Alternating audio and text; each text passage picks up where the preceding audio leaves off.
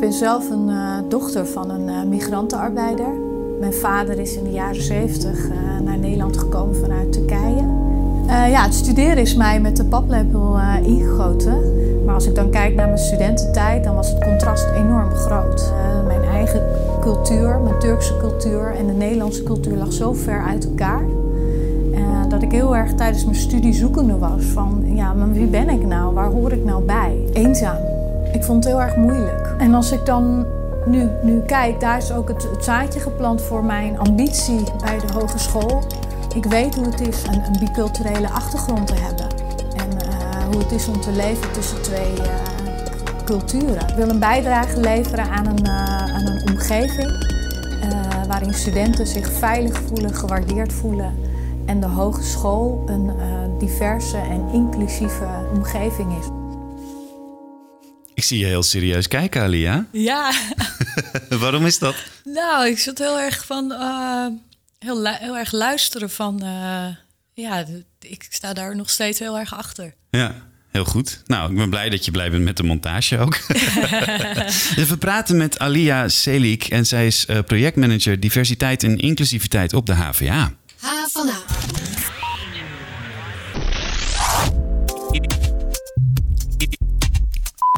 Ja, fijn dat je luistert naar onze podcast. We praten door over het nieuws op en rond de HVA en deze week gaat dat over diversiteit en inclusie. Mijn naam is Daniel Rommens en tegenover mij uh, zit redacteur Kiri Stuy. Hoi Kiri. Hey, hallo. Uh, en onze gast vandaag is Alia Selik. En je hoorde haar al in het intro van de podcast. Alia, welkom. Ja, dankjewel. Uh, wat fijn dat je een gaatje vond om met ons uh, te praten voor een tweede keer. Want je hebt ons ook al gesproken voor een geschreven interview. Um, dit onderwerp, diversiteit, het staat al een poosje op de agenda hier op de HVA. Er is heel veel over gepraat vooral. Maar heb jij nou het gevoel dat er nu ook echt iets gebeurt om de situatie beter te maken? Uh, nou, dat, uh, absoluut. Ja, er is uh, ook voordat ik kwam al heel veel gebeurd. Ik ben zelf 1 februari gestart ja. in de Hogeschool van Amsterdam. En voordat ik kwam is er al vanuit de, het college van bestuur aangegeven dat er een streven is om het ja, meer een weerspiegeling, weerspiegeling te zijn van de hoofdstad en van de studentenpopulatie. Uh, er is ook al meegedaan aan een pilot van het CBS. Waarin duidelijk is geworden dat uh, wij op dit moment als hogeschool uh, niet heel goed doen. en dan gaat het over de, me medewerkers, hè? Ja, de, percentage. Ja, ja. ja, we zitten nu op 11 procent. En er is uitgesproken dat het streven is om daar 20 procent in ieder geval van te maken. En er is ook al een pilot gestart bij de faculteit Sport en Bewegen. Mm Daar is een pilot geweest van drie trainees die uh, zijn gestart. Dus het is eigenlijk voordat ik kwam is er al, uh, is er al aangegeven van nou dit vinden we heel erg belangrijk en ja. hier willen we mee aan de slag. Hoe dat verder gaat en hoe jij daaraan gaat bijdragen, daar gaan we het zo uitgebreider over hebben. Maar eerst gaan we even langs het andere nieuws op de HVA. Kiri, hoe was jouw wifi de afgelopen week? Nou, ik heb meerdere keren langzaam tot 10 moeten tellen om het uit te houden.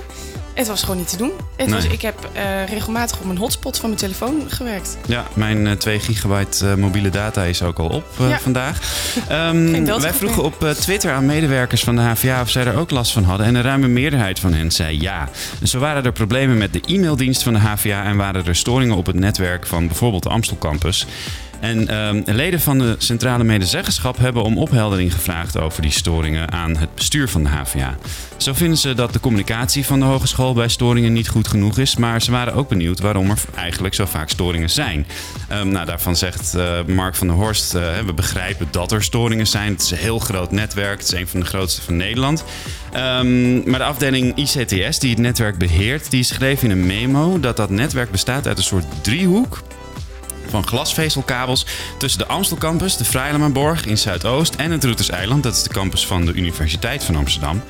En soms komt het voor dat berichten die worden verzonden binnen dat netwerk eindeloos lang in een soort loop blijven rondgaan. Nou, en dat zorgt er dan voor dat het netwerk overbelast heeft. En daar hebben jij en ik uh, dan last van, Kiri. En alle andere mensen op de campus. Allemaal door die driehoek. De driehoek, ja. en um, dat noemen ze dan een storm op het netwerk. En uh, er worden stappen genomen om die storm op te lossen. Uh, maar er wordt ook gekeken naar uh, manieren om beter te communiceren als er dan een storing plaatsvindt. En zo is er bijvoorbeeld het plan om een speciale storingswebsite te maken waar mensen heen kunnen om te checken of er inderdaad een storing is. Heb ik nog storing.nl?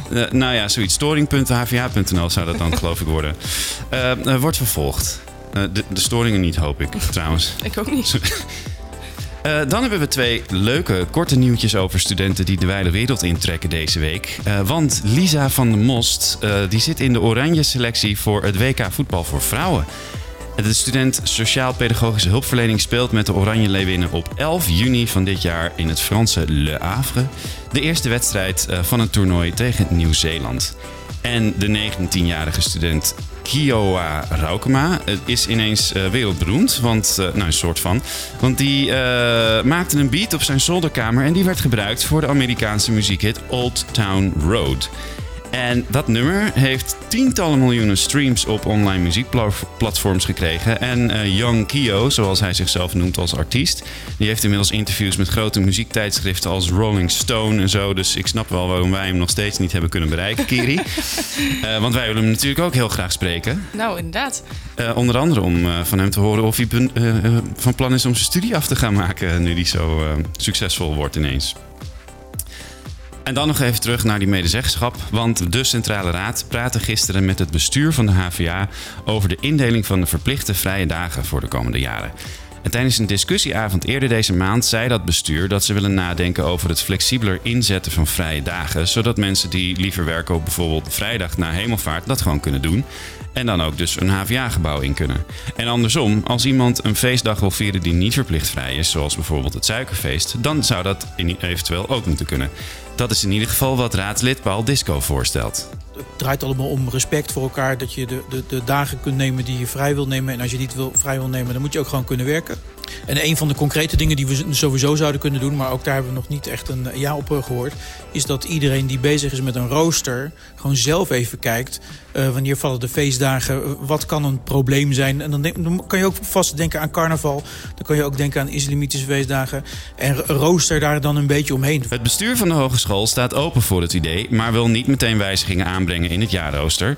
Collegevoorzitter Huip de Jong wil namelijk eerst de meningen peilen van medewerkers en studenten. In de discussiebijeenkomst die we daar al eerder over hebben gehad... heb ik in ieder geval aangegeven dat we beter gaan kijken naar het jaarrooster. Zodat er niet uh, ongewilde uh, botsing gaat ontstaan met andere feestdagen.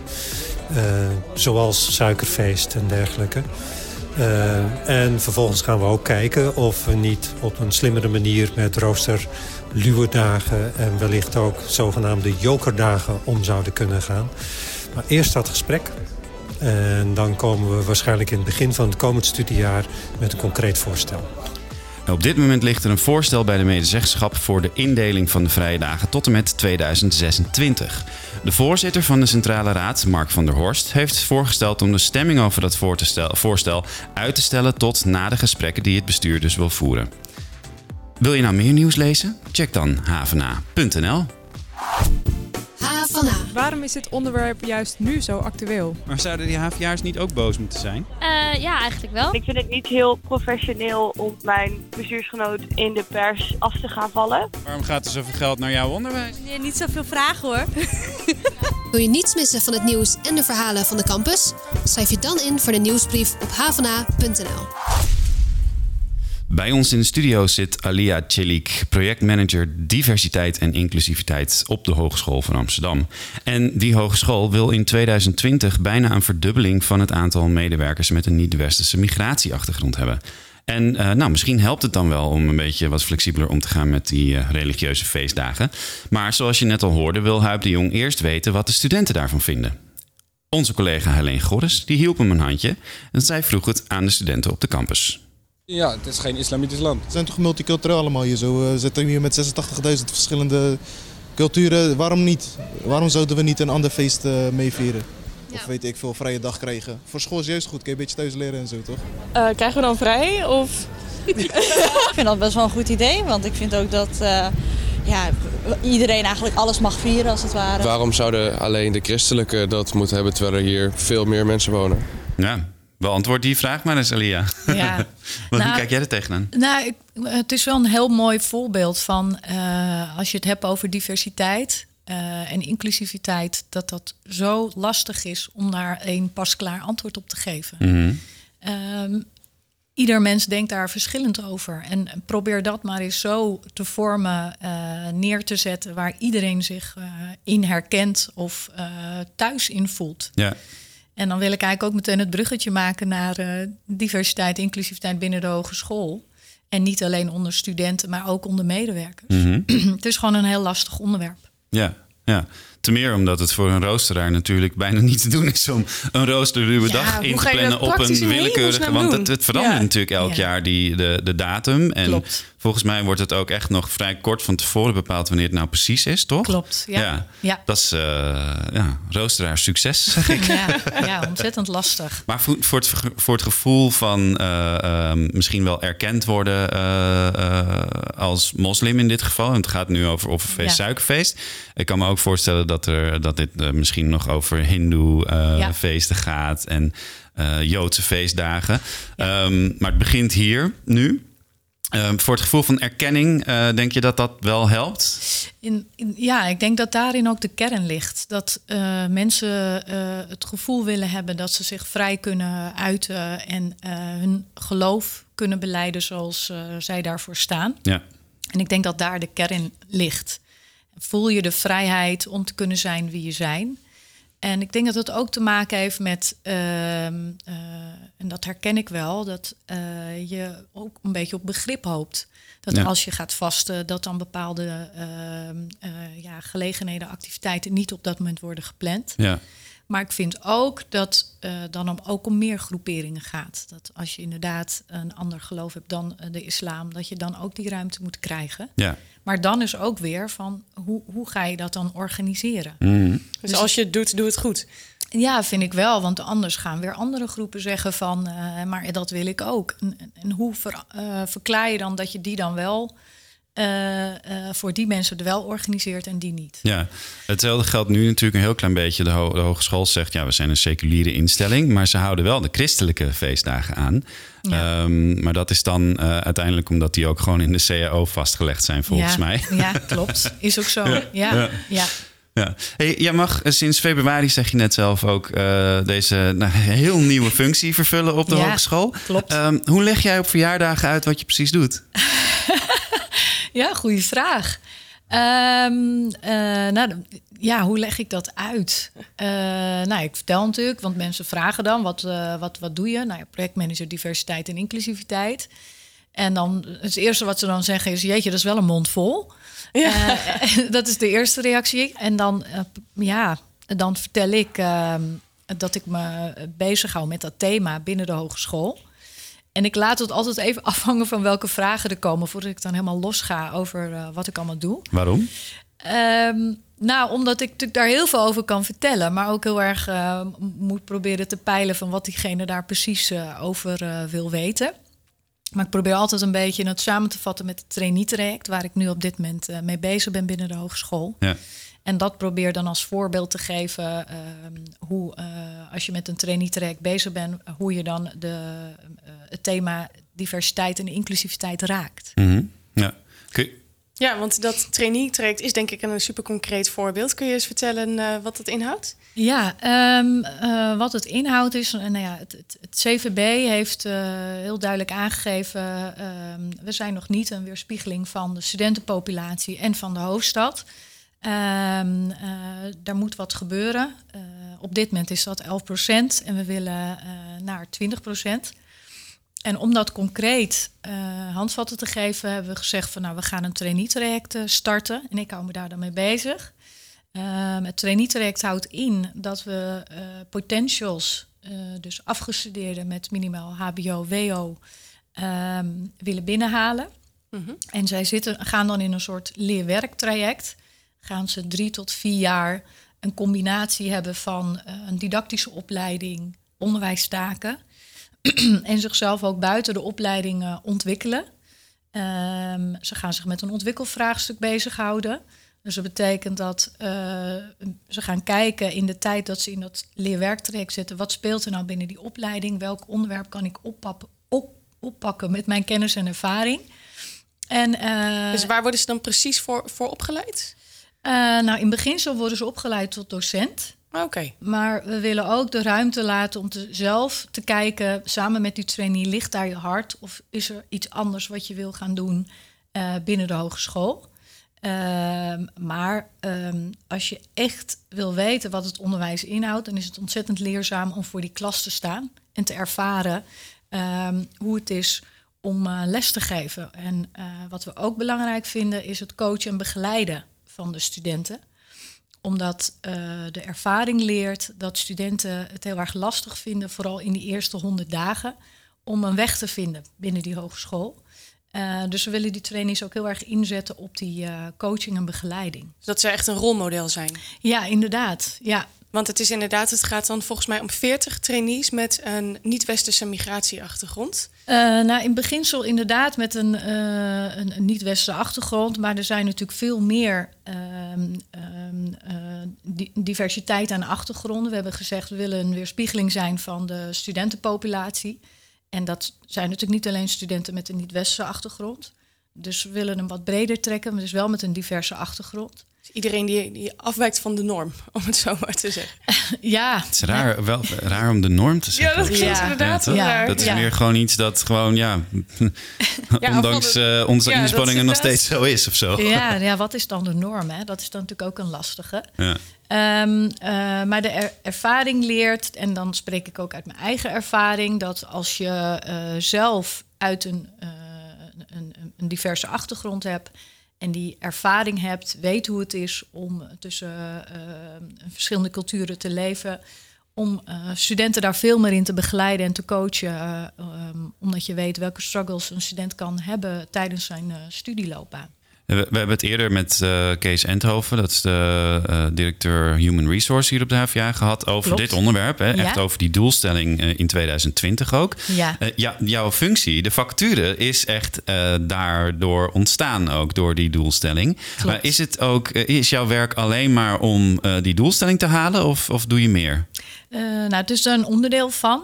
Uh, het trainee-traject houdt heel erg in dat je uh, zoveel mogelijk uh, talenten, potentials met een diverse achtergrond bindt aan de hogeschool. En zij zijn van een enorme toegevoegde waarde voor de hogeschool. Um, en um, als je dan daarmee bezig bent, het gaat natuurlijk niet alleen om het werven en selecteren van die trainees. je raakt namelijk een heel belangrijk fundament. En dat is wat voor rol speelt cultural awareness nou binnen een afdeling, binnen mm -hmm. een opleiding. Um, dus het gaat niet alleen over het realiseren van dat cijfer, het gaat eigenlijk om veel meer. Ja. Uh, cultuurverandering eigenlijk. Nou ja, vooral de cultural awareness binnen de afdeling. Welke rol speelt nu diversiteit binnen die afdeling? En je merkt dat als je het gesprek voert met die afdeling, dat ze zich ook vaak niet bewust zijn van dat ze allemaal klonen zijn, uh, dat ze allemaal heel erg op elkaar lijken. En niet doorhebben dat uh, ze misschien ook zich bewust moeten zijn voor op een andere manier te kijken naar uh, collega's, naar teams, naar mensen die je aanneemt.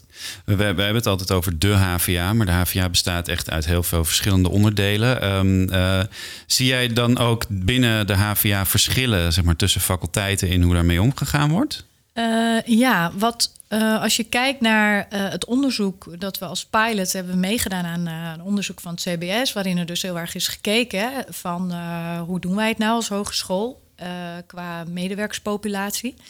we hebben ook gekeken naar in, ho in hoeverre verhoudt zich dat tot, tot de diversiteit onder de opleiding. Mm -hmm.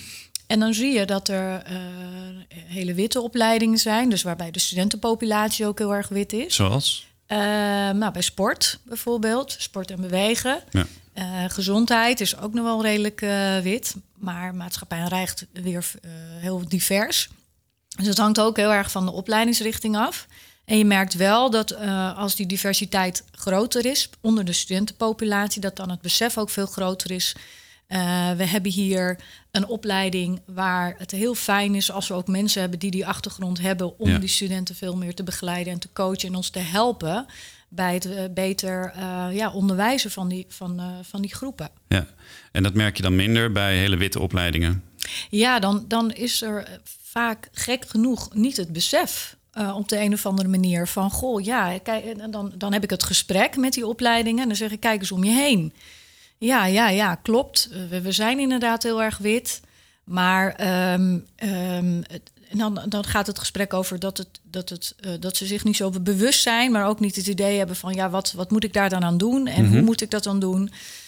dus als het niet speelt, dan lijkt het alsof het er niet is, maar het is overal.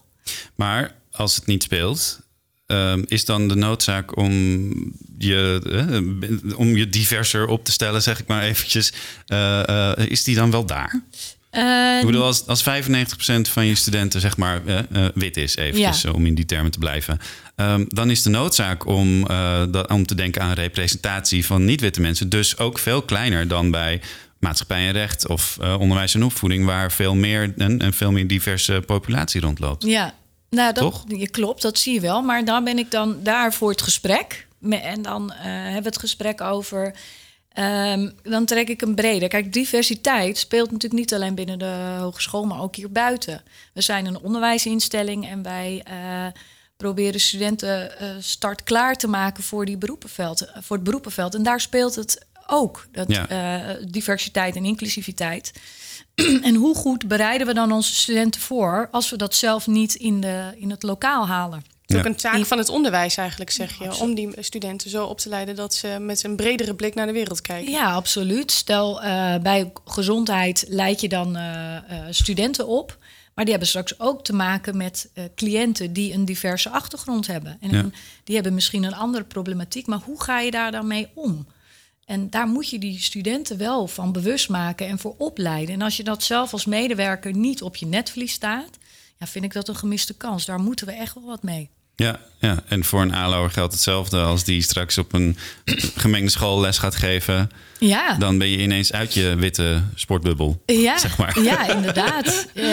Misschien vraagt dat een andere aanpak als, uh, als uh, sportdocent. En als je daar niet van bewust bent en niet al over nadenkt en dat onderdeel maakt van je uh, van je opleiding, van je studie. Uh, ja, dan vind ik dat je daar een kans laat liggen en een noodzaak van, als uh, opleiding. Ja. waarom wil jij dit werk doen? Wat is jouw persoonlijke motivatie hierin? Ja, um, mijn persoonlijke motivatie is, het heeft dan ook weer heel erg met mijzelf te maken. Ik heb zelf een uh, Turkse achtergrond. Ik ben de dochter van een uh, migrantenarbeider. Mijn ouders zijn in de jaren 70 naar Nederland gekomen. Ik ben dan zelf wel hier geboren en getogen. En ehm, dus ik heb een biculturele achtergrond. En als ik dan zelf aan mijn studententijd denk, uh, ik was dan nog een van de weinige uh, studenten met een Turkse achtergrond. Ja, ik was, ik, ik, was heel erg aan het struggelen in mijn studententijd. Vond het heel verwarrend, omdat ik hele strenge uh, regels had thuis. En ehm, eh, ja, op een bepaalde manier wordt opgevoed en waarden meekrijg die ik heel erg lastig vond op school, omdat die daar weer heel anders werden gezien. Waarin verschilt dat dan? Um, nou, dan waren er regelmatig na, na school, uh, uh, zeiden mensen dan, of studenten dan van, ga je mee naar de kroeg? En ja, dat vond ik dan heel lastig om dan te vertellen dat ik dat eigenlijk niet de bedoeling is. Dat ik uh, naar, naar, mijn ouders liever willen dat ik naar huis kwam. En dat deden ze ook vanuit een bescherming. Ehm, eh, maar ik vond het dan heel moeilijk om daar dan iets over te zeggen, omdat het begrip dan ook uh, niet groot was. Mhm. En ik zat altijd te struggelen van, maar wie ben ik nou? Ben ik nou Turks? Ben ik nou Nederlands? En als ik het allebei ben, hoe moet ik me dan gedragen? Wie ben ik dan? Ik vond dat heel verwarrend. En uh, ja, ik denk de studie, tijdens mijn studie, dat is eigenlijk een plek waar je je veilig moet voelen. En waar je je verhaal kwijt kon. En, en dat kon ik niet. Ik was heel opstandig in mijn uh, studietijd. Ik was heel erg boos en gefrustreerd. En ik begreep het niet. En het sloeg enorm om me heen. Het is wel goed gekomen met me, maar... Figuurlijk hoop ik dat je het niet eens doet. Of uh, was je met je... Ja, nou ja, af en toe uh, was ik wel heel rebels. Oké, ja. Maar nou, ik denk wel dat in zo'n studie... dat zo'n belangrijk een stukje is uh, van, je leven waarin, uh, ja, als er mensen zijn die je daarin kunnen helpen, waar je je verhaal kwijt kan, dat het een enorme winst is. Wat vind je ervan dat ik die vraag aan je stel? Jouw persoonlijke motivatie? Want ik, eh, ik weet dat je een Turkse achtergrond hebt en je doet dit werk. Ja. Ik koppel dat dus meteen aan elkaar. Ja, dat snap ik eigenlijk heel goed. Ik merk dat, uh, kijk, um, het, het, het, helpt, denk ik, heel erg als je zelf die achtergrond hebt. Omdat als ik dan met afdelingen in gesprek ben over uh, dit uh, onderwerp, dan vertel ik heel erg over mezelf. En het helpt heel erg als mensen dan je verhaal horen. En, en het blijft dan dicht bij mezelf. En dan kun je erover praten. Je merkt dat de mensen dan zich veel vrijer voelen om het er met je over te hebben. En ik vind het belangrijk om het gesprek erover te hebben. Uh, en ik benoem dingen. En vaak merk je dat mensen het soms spannend vinden om dingen te benoemen. Uh, en uh, het helpt als je zelf die achtergrond hebt en dat ook benoemt. En waardoor er ook een bepaalde basis is om het gesprek met elkaar te hebben. Ja. Dus ik snap wel dat je dat koppelt. Ja, oké. Nou, gelukkig. Ja. nee, ik, ik, stel die vraag en ik denk meteen, ja, waar, waarom stel ik die nou eigenlijk? Ja. Dat is, Als het toch gaat over cultural awareness. Ja, toch? Ja. Ja. Maar de andere kant is ook het geval dat je vaak hoort van mensen die, uh, dan moet ik even terug naar uh, mijn uh, vorige werkervaringen. Dan kwam, dan vertelden um, mensen uit mijn netwerk vertelden dan van ja, we hebben een training gehad over cultural awareness. En die vrouw was zo wit als wat. En ze had het over heel veel dingen. En ik dacht bij mezelf van, waar heb je het nou over? Want jij hebt helemaal niet die ervaring. Jij kent die problematiek helemaal niet. Dus dat is dan weer de andere kant. Dat mensen ja. zoiets hebben van, ja, jij zit het nu te verkondigen... maar ik begrijp er helemaal niets van. Mm -hmm. ja. Dus ik denk wel dat het helpt. Het is niet een voorwaarde, maar het kan wel heel erg helpen. Ja. Even nog terug naar wat hier concreet op de HVA gebeurt. Uh, we hebben het over de trainees gehad. Ja. Um, Stel nou dat we in 2020, ik, ik, betwijfel of we het echt gaan halen, maar dat we in 2020 hè, de doelstelling halen. Ja. Is het dan klaar? En, um, jeetje, is het dan klaar? Ja, wat is dan klaar? Het werk, het, het zorgen, ja, dat, dat, moet jij zeggen. Ja, um, ja dat, dat, het, is, het is klaar als je je puur alleen fixt of focust op dat cijfer. Oké, dan is mijn vraag: is dat goed? Ja, nee, dat denk ik niet. Het gaat natuurlijk veel verder. Ik denk dat het, dat het, dat het uh, werk erop zit op een moment dat wij allemaal onze verantwoordelijkheid nemen. Uh, het open gesprek voeren, weten dat het gewoon een onderdeel is van onze samenleving en van onze uh, hogeschool. Um, en het mooiste is, en dat is, klinkt misschien heel zweverig en idealistisch, maar het mooiste zou zijn als mijn functie eigenlijk overbodig is. Ja. Dat ik hier niet meer hoef te zijn om dit onderwerp te bespreken, om daarover in gesprek te gaan en het nog hebben over um, cultural awareness. Dat het eigenlijk een vanzelfsprekendheid is. Ja. Dan is het volgens mij klaar. Weet je nog, Kiri, dat wij het over vrouwen in het hoger onderwijs hadden. En ja, dat ja. Uh, hoger op, in de, op de ladder klimmen. En dat uh, Marta Meerman, die is uh, ja. de eerste, of de langstzittende vrouwelijke lector hier, die zei van ja, het, het was gewoon een hele tijd niet op het netvlies. En nu is het een populair onderwerp. En straks is het misschien weer iets anders een populair onderwerp. En ik ben dus heel erg bang dat als dat waar zou zijn, dat dat ook met met, met dit issue zou zijn. Dat soort golfbeweging Dat als we denken is. straks van nou, we hebben die, uh, dat uh, quotum gehaald, als ik het even lelijk mag zeggen, dan uh, zijn ja. we wel klaar en dan kan jij weer iets nieuws gaan doen. En ja. Maar volgens, je moet er toch op blijven letten altijd. Je moet Ja, toch absoluut. altijd met elkaar in gesprek blijven. En misschien moet er altijd wel iemand zijn die daar een beetje de boel in de peiling houdt. Ja, ja, ben ik met je eens. Het is, het, is, eh, het, is, het is onze verantwoordelijkheid. We kunnen, het moet gewoon top of mind zijn. Ja. En, en eh, als je heel erg richt op cijfers, dan, eh, dan denk ik dat je de plank mislaat. Het gaat om veel meer dan dat. Dus ik denk eigenlijk dat het nooit klaar is. Het is pas klaar als het geen issue meer is en het vanzelfsprekend gaat. Ja. Alle neuzen dezelfde kant op dan ja. dus. Ja. Toch? Ja. Gaat ja. dat lukken? Ehm, ja, nou, dan wil ik het voorbeeld aanhalen van onze maatschappij. Ehm, ehm, er zijn altijd mensen die er anders over denken. Er zijn altijd mensen die eh, eh, vinden dat het allemaal eh, niet hoeft. dat het geen issue is. En wat er buiten gebeurt, gebeurt ook hier binnen. Ja. En daar zijn we mensen voor. Dus ik geloof En dan wel hebben dat... we het even voor de duidelijkheid over mensen die zeggen... ah, je hebt altijd die slachtofferrol en jullie moeten niet zo zeuren... en we Ja. geven al zoveel en jullie Ja. moeten je aanpassen aan Nederland. En even dat we weten over wie we praten. Ja, ja, ja, ja, ja, precies. En wat een onzin. En, ehm, Maar gebeurt dat ook echt hier concreet op de hogeschool? Nou, het, kijk, in een, in een professionele omgeving hebben mensen ook wel weer een buiten is, dan ben je natuurlijk wat vrijer. Maar hier heb- zit je in een rol. Dus er zit wel altijd een bepaalde professionaliteit. Eh, maar ik heb ook gesprekken met mensen die, die, die zeggen van ja, ik, eh, ik, ik zie het eigenlijk niet zo als probleem. En, ehm, ja, dat- en daar heb je ook gesprekken mee. Het is niet dat iedereen eh, het vanzelfsprekend vindt of van belang.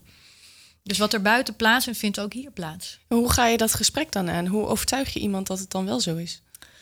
Um, nou, overtuigen is misschien niet het, het goede woord. Uh, ik, ik ben heel erg van het open gesprek. Heel erg met elkaar in gesprek over uh, wat is nu voor jou uh, diversiteit? Welke rol speelt het binnen je afdeling?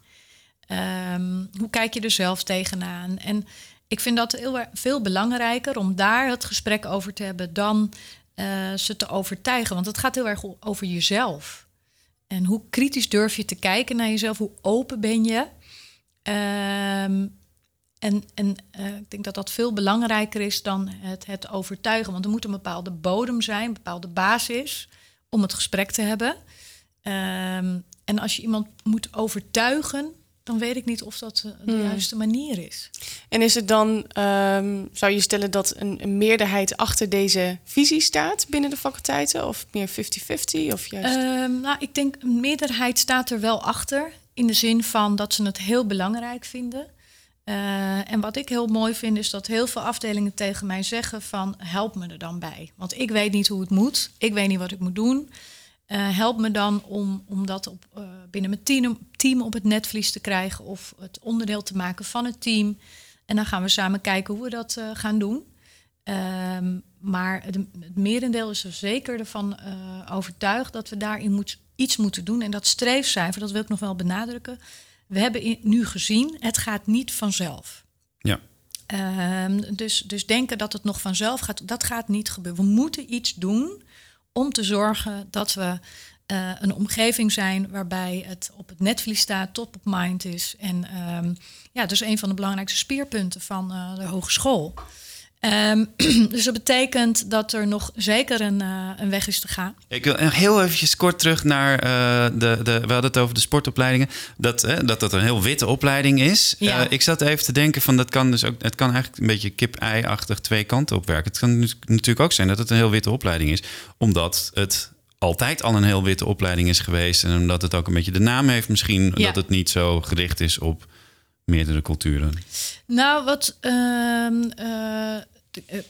uh, sport heeft ook deels te maken met cultuur. Wat voor rol heeft sport binnen een cultuur? Als je bijvoorbeeld kijkt naar een land als Amerika, daar heeft sport natuurlijk een enorme betekenis binnen de hele opleiding. Eigenlijk vanaf jongs af aan is dat zo belangrijk om, om op sport hoog te scoren en heeft het een prominente rol binnen het onderwijs. En er zijn bepaalde culturen waarin sport minder belangrijk is. Um, en ik denk dat dat misschien ook te maken heeft met de populatie, uh, de witte populatie, zeg maar, onder de uh, studenten binnen uh, sport. Mm -hmm. dat er bepaalde groeperingen waar sport minder een rol speelt. En dat ze dus daarom ook niet zo snel zullen kiezen voor zo'n opleiding. Ja. Maar dat wil nog niet zeggen dat daar misschien nog een enorme kans ligt. Dat je daar ook binnen die opleiding daar iets mee zou kunnen doen. Die trainees, wat uh, voor mensen moeten dat zijn? Uh, waar kunnen ze zich aanmelden? Wat voor uh, kwalificaties moeten ze hebben? Um, nou, sowieso moeten het mensen zijn met een minimale HBO of WO-opleiding. En um, ja, ontzettend gemotiveerd zijn om binnen het onderwijs um, te zorgen voor vernieuwing voor kansen op het gebied van diversiteit en inclusiviteit. Want daarin willen we ook dat die trainee een rol gaat spelen. En um, ja, uh, heel veel talenten heeft. En wij iets van de trainee kunnen leren en de trainee iets van ons. En wat biedt de HVA? Uh, de HVA biedt uh, sowieso een contract. Dus je, in beginsel is het een bepaalde tijd, maar daarna krijg je een contract voor onbepaalde tijd. Je krijgt een didactische opleiding. Als je alleen een HBO-opleiding hebt, dan krijg je ook de mogelijkheid om een master te volgen. Uh, je wordt echt in het onderwijs gezet. Je gaat heel veel uh, mensen leren kennen en ontwikkelvraagstukken aanpakken. Uh, dus ik denk eigenlijk een win-win situatie. En ja, ik vind het een heel mooi traject. En kunnen studenten van de HVA zich ook opgeven voor dat traject? absoluut. Ja, de, wel dat je, je moet in ieder geval wel afgestudeerd zijn. En echt wel een passie hebben voor het onderwijs en daar een bijdrage aan willen leveren. Um, en ook zelf wel uh, een affiniteit hebben met het thema. En dan kun je uh, met mij contact opnemen. Heel goed. Wij gaan sowieso contact met je opnemen in 2020. Want dan gaan we natuurlijk checken of jij je werk een beetje goed hebt gedaan. Oké, oké. Dank voor je aanwezigheid in de studio hier, Alia. Ja. en heel veel succes de komende tijd. Um, Kiri, jij ook bedankt dat je weer mee wilde doen. Yes. Ja, en, en mag ik wel eerder komen dan 2020 als een soort tussen, tussenstand? Dat ja, we dat dan is even goed. bij. Ja, ja hoor, zeker.